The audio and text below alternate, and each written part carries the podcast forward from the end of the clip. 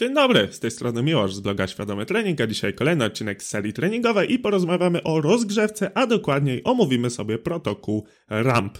R-A-M-P. Zaraz sobie wszystko wyjaśnimy. Na początku powiedzmy sobie ogólnie o rozgrzewce. Rozgrzewać się warto, rozgrzewać się warto zawsze. I tutaj, jak zwykle to bywa, widzimy często dwa różne bieguny podejścia do tematu. Jeden biegun to jest zero rozgrzewki, czyli nic nie robię, wchodzę od razu na ciężar. To jest raczej domena osób początkujących. I drugi biegun to jest godzina rozgrzewki, rolowanie, tarzenie się po wałkach, rozciąganie i w ogóle podejście do pustej sztangi już po godzinie właśnie rozgrzewki, kiedy jesteśmy zmęczeni i nie będziemy w stanie dać siebie już na samym treningu tyle, ile, ile byśmy mogli, gdybyśmy tej rozgrzewki aż tak ciężkiej i długotrwałej nie robili. To jest zazwyczaj domena osób, które zbyt mocno zachłysną się całym tematem mobilizacji, aktywacji i wszelkich takich innych rzeczy. Także no, często bywa właśnie, że w takich tematach siłownianych, ale nie tylko, widzimy dwie skrajności, a często to ten najlepszy wybór jest pośrodku, czyli w normalnych wartościach i w tym wypadku, a propos rozgrzewki, według mnie taką normalną wartością to jest zakres pomiędzy 10 a 30 minut, gdzie to 30 to już będzie rzeczywiście osoba, która musi wykonać wiele tych aktywacji czy też mobilizacji, aby móc wykonać ćwiczenie w sposób, który by ją zadowalał. I z drugiej strony 10 minut to jest, wydaje mi się, minimum, które trzeba poświęcić, żeby podnieść temperaturę ciała, co swoją drogą jest właśnie jednym z elementów protokołu RAMP i wykonać jakieś serie wstępne, jeżeli robimy oczywiście ćwiczenie główne, a powinniśmy zaczynać trening od ćwiczeń głównych, więc zapewne ten ciężar będzie od nas wymagał zrobienia kilku, czasem kilkunastu serii wstępnych. Ok, także zapamiętajcie przede wszystkim, że rozgrzewka jest bardzo ważna. Jeżeli was, do Was nie przemawiają takie argumenty, no to powiem Wam takie, które do osób początkujących, czyli tych, które często zaniedbują rozgrzewkę, mogą przemówić.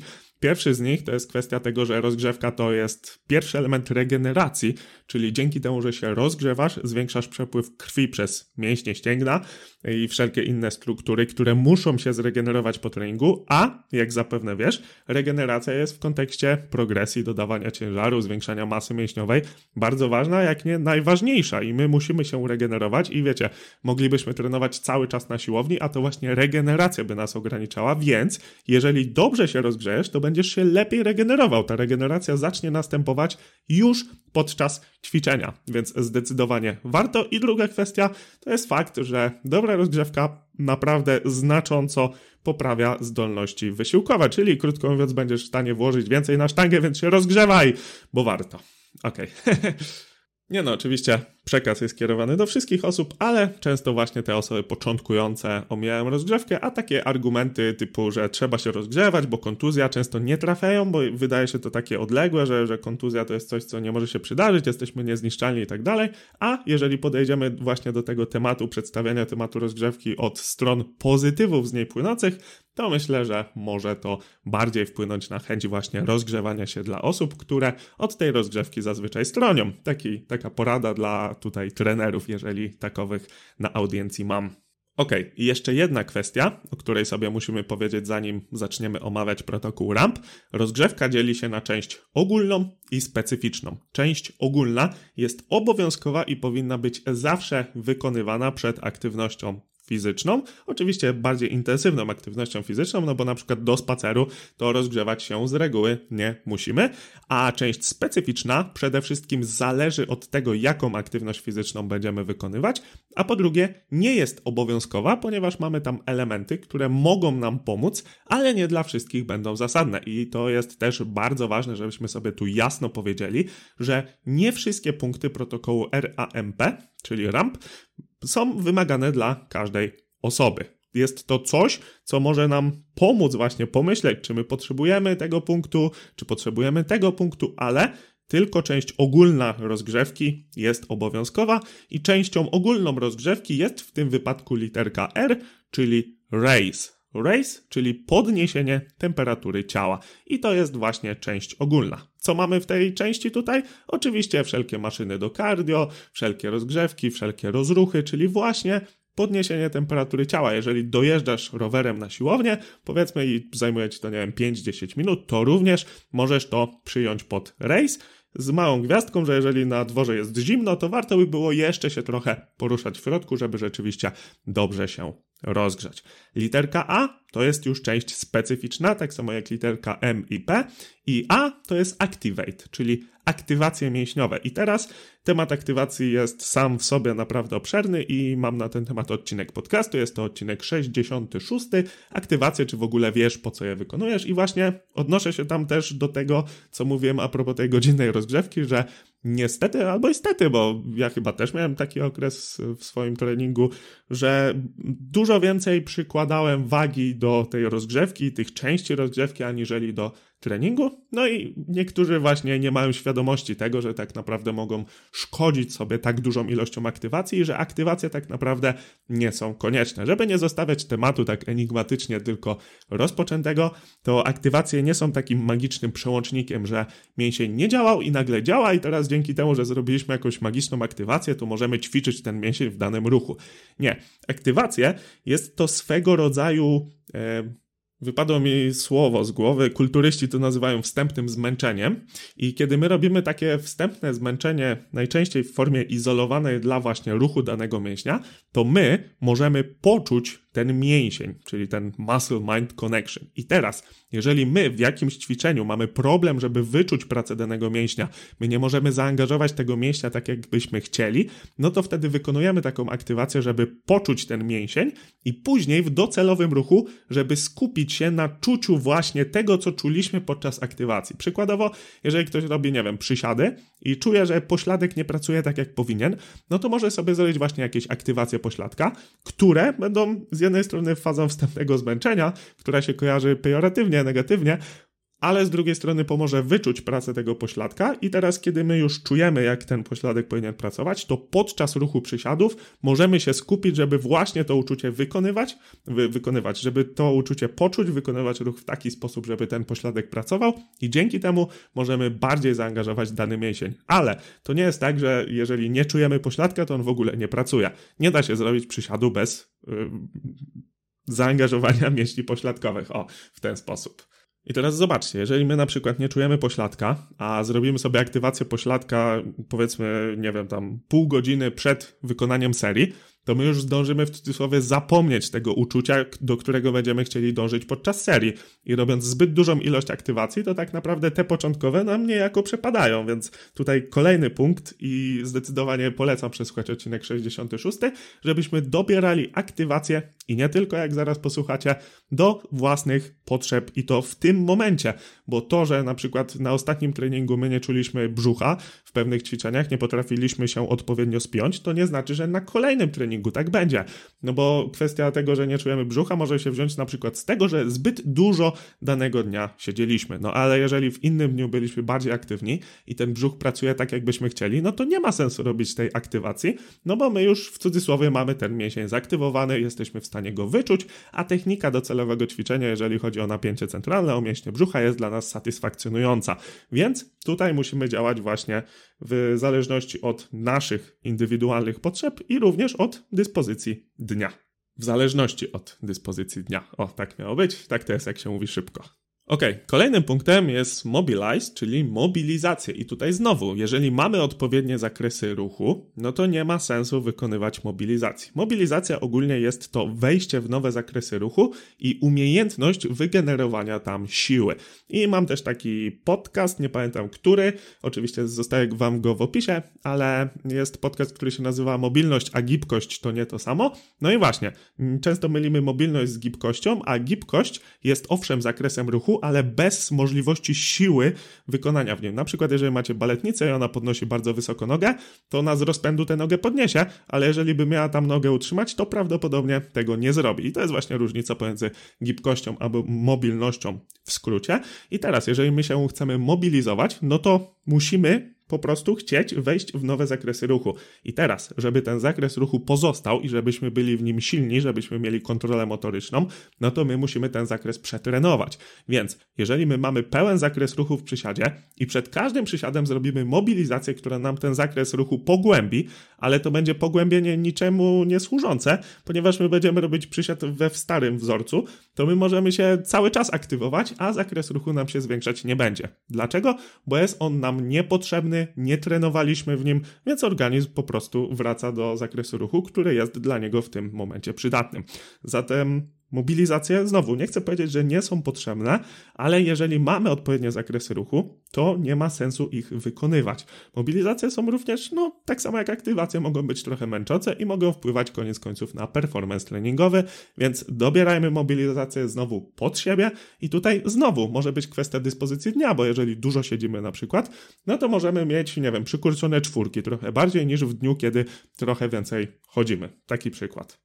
Dobra, to była literka M, a teraz literka P, czyli potentiate, czyli potencjacja. I to jest część rozgrzewki, którą mało kto wykonuje, a która może dać naprawdę fajne rezultaty w treningu, ponieważ jest to potencjacja układu nerwowego. Z czym to się je? Chodzi o to, żeby wykonać parę dynamicznych ruchów, które pomogą nam zaangażować wysokoprogowe jednostki motoryczne, bo jak już zapewne wiecie, słuchając mnie, wysoki ciężar nie jest jedyną formą aktywacji wysokoprogowych jednostek motorycznych, ale również właśnie szybkość ruchu, czyli jeżeli będziemy mieć intencję, żeby wykonać ruch bardzo szybko, z maksymalną prędkością, to organizm nie wie, ile ty masz na albo ile ty ważysz, jak chcesz podskoczyć, tylko on, jeżeli mamy intencję pełnego przyspieszenia, to da tyle mięśni, tyle jednostek motorycznych, ile będzie mógł, bo on nie wie, co on chce e, przezwyciężyć, on nie ma licznika kilogramów, tylko on ma zadanie do wykonania. Jeżeli my chcemy podskoczyć jak najwyżej, to on zaangażuje więcej mięśni, niż kiedy będziemy mieć intencję, żeby tylko podskoczyć do góry. I my to właśnie wykorzystujemy jako aktywację wysokoprogowych jednostek motorycznych, które później będziemy trenować na już właściwym treningu. Może jeszcze słowem do powiedzenia o wysokoprogowych jednostkach motorycznych, bo być może osoby bardziej początkujące tego słuchają. Otóż mięsień nie będzie cały czas w całości wykorzystywany. No bo właśnie, jeżeli będziemy mieć mały ciężar, mały opór do pokonania, to organizm zaangażuje tylko tyle mięśnia, ile musi. I teraz mięsień nam się dzieli na e, włókna typu pierwszego i drugiego z grubsza. Włókna typu pierwszego są słabsze, bardziej wytrzymałościowe, włókna typu drugiego są bardziej siłowe, dużo silniejsze, ale ich zużycie, ich użycie wymaga dużej ilości energii, dlatego organizm, kiedy może, to je po prostu oszczędza. I teraz, jeżeli mamy mały ciężar, wykonujemy go wolno i tak dalej, i tak dalej, no to po prostu organizm weźmie tych najtańszych pracowników, których ma, czyli jednostki motoryczne niższych progów. Dopiero kiedy my damy mu bodziec i informację, że musi wziąć tych cięższych pracowników, yy, cięższych i droższych pracowników, żeby daną pracę wykonać, to on zaangażuje te wysokoprogowe jednostki motoryczne. I dlaczego to jest takie ważne? No bo właśnie te włókna typu drugiego, czyli te, w których w większej mierze składają się wysokoprogowe jednostki motoryczne, są bardziej podatne na wzrost i zwiększenie siły. Dlatego właśnie często skupiamy się, żeby te jednostki zaktywować. No i właśnie tutaj metoda potencjacji może być w tym pomocna. Jedna bardzo duża i bardzo ważna gwiazdka w tym temacie, jeżeli będziesz wykonywać potencjację, to nigdy nie zaczynaj na 100%. Co mam na myśli? Jeżeli na przykład chcielibyśmy sobie zrobić potencjację przed wyciskaniem leżąc w postaci dynamicznych pompek z klaśnięciem, czyli chcemy jak najwyżej się wybić podczas pompki, to nigdy nie zaczynamy pierwszej pompki jako tej najbardziej dynamicznej. Dlaczego? No bo skoro nasz układ nerwowy zaangażuje bardzo dużą część mięśnia, no to ryzyko kontuzji, ryzyko wszelkich naciągnięć jest o wiele większe, szczególnie, że my dopiero zaczynamy ćwiczyć i to ma być rozgrzewka, a nie docelowy wysiłek. Więc jeżeli robicie potencjację, to zróbcie sobie dosłownie serie wstępne do rozgrzewki. Czyli na przykład, jeżeli byłyby te pompki z klaśnięciem, to zróbcie sobie najpierw parę zwykłych pompek, potem parę pompek na takie 40% szybkości, potem na 60, na 80 i dopiero na 100. Dzięki temu rozgrzejecie się w ogóle, żeby wykonać potencjację i zmniejszycie realnie ryzyko kontuzji, które i tak trzeba sobie przyznać, jeżeli szczególnie nieumiejętnie to zrobimy, jest podwyższone przy tego typu rodzaju ruchu. Oczywiście nie chciałbym, żeby to zabrzmiało, że o, o 5 na 10, którzy robili potencjację sobie jakąś kontuzję, zrobili po prostu obiektywnie stwierdzam, że ryzyko podczas szybszych ruchów jest większe. Jest cały czas absurdalnie małe i porównywalne do prac domowych, ale trzeba powiedzieć, że jest większe.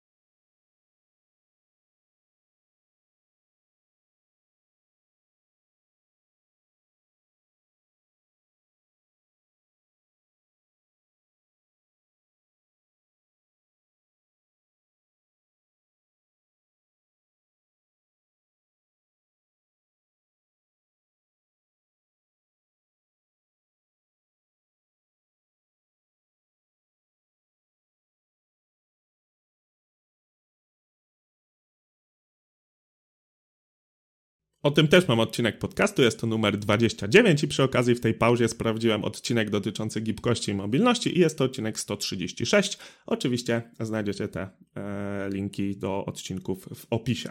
Ok, i mamy wszystkie literki omówione, czyli jeszcze raz R podniesienie temperatury ciała od raise, e, aktywację można po polsku, mobilizację można po polsku i potencjację, czyli aktywację tak jakby układu nerwowego, no potentiate, tak po angielsku. I jeszcze raz, część ogólna, czyli race jest obowiązkowa, zawsze ją wykonujemy, ale jest też dla nas pozytywna, więc nie powinniśmy do niej podchodzić jako do przykrego obowiązku, tylko do poprawienia swojego treningu, a część specyficzna, czyli aktywację, mobilizację i potencjację musimy dobierać pod kątem naszych potrzeb i to zarówno takich globalnych, ogólnych, jak i od dyspozycji dnia. A jeżeli chcesz dowiedzieć się więcej na temat treningu siłowego, właściwie wszystkiego, co musisz, aby rozpocząć robić to w sposób mądry, przemyślany, świadomy, to zapraszam Cię do sponsora tego odcinka, którym jest kurs podstawy treningu siłowego. Agendę, co znajdziesz w środku i cenę, która moim zdaniem jest obecnie na moment wypuszczenia odcinka atrakcyjna, znajdziesz oczywiście w linku w opisie w ofercie.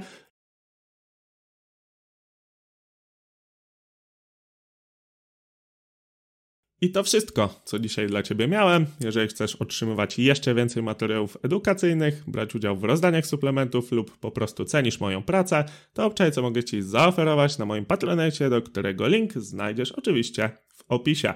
Przypominam, że na Spotify i iTunes jest możliwość oceny, także jeżeli podobają Ci się moje podcasty, to zostaw mi jedyną słuszną ocenkę, czyli oczywiście piątkę. Jeżeli masz do mnie pytania, to napisz do mnie na Instagramie albo pod adres kontakt małpa Mówił Miłosz Szkudlarek i słyszymy się w następnym podcaście. Dzięki.